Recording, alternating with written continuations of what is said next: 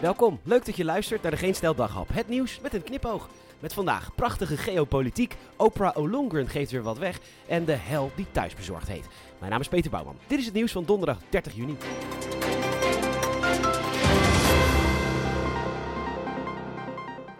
Veel NAVO-leiders maakten een grapje over ons bloot rondrijden op een paard. en uh, Poetin heeft uh, gereageerd op dit uh, grapje.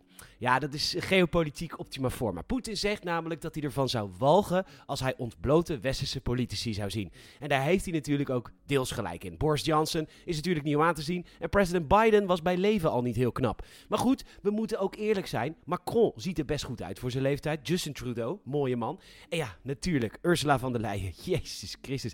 Ja, die echt. Ja, ik krijg altijd een paar graden verhoging als ik haar zie. Wat geil. Ja, u bent misschien hetero en kunt het zich niet voorstellen, maar wat is zij een mooie man, zeg. Bizar.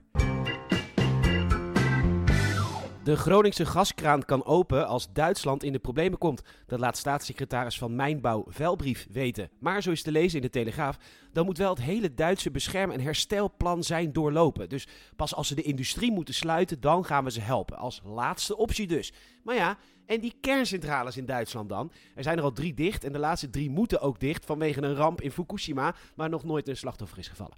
Nu wordt er wel onderzocht om de Duitse kerncentrales open te houden, maar wat als Duitsland zo stom is om ze echt allemaal te sluiten? Dan draait Groningen daarvoor op. Nu boeit voor het Nederlandse kabinet Groningen al amper. Dat zal voor Berlijn nog minder zijn. Terwijl het is en blijft vreselijk wat er met die Groningers is gebeurd. Ik bedoel, zo'n toeslagenaffaire gun je echt niemand.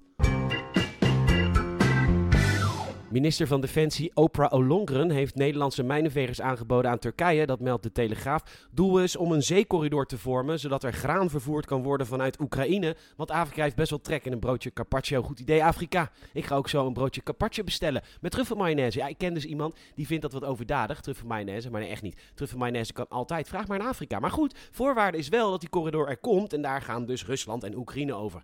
Inmiddels hebben we al best wel veel militaire spullen weggegeven en de ontvangers reageerden dan ook erg enthousiast.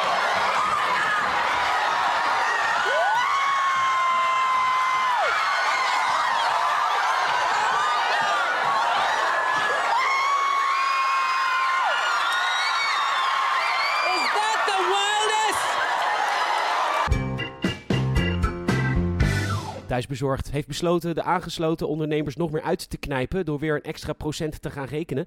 De teller staat nu op 15% commissie, al dus AD, die een aantal uitgeknepen horecaondernemers aan het woord laat. Zullen we gewoon met elkaar afspreken dat we niet meer met thuisbezorgd bestellen? Maar de app is zo makkelijk. Ja, dat klopt.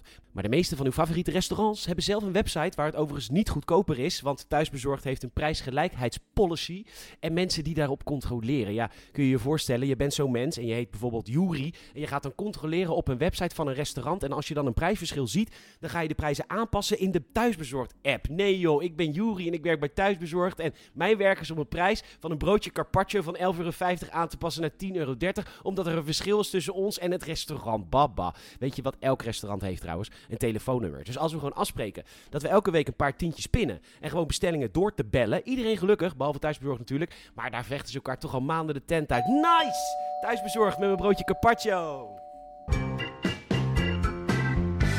Be bedankt voor het luisteren en je zou ons enorm helpen als je een vriend of vriendin vertelt over deze podcast.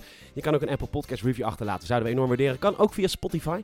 Nogmaals bedankt voor het luisteren en tot morgen.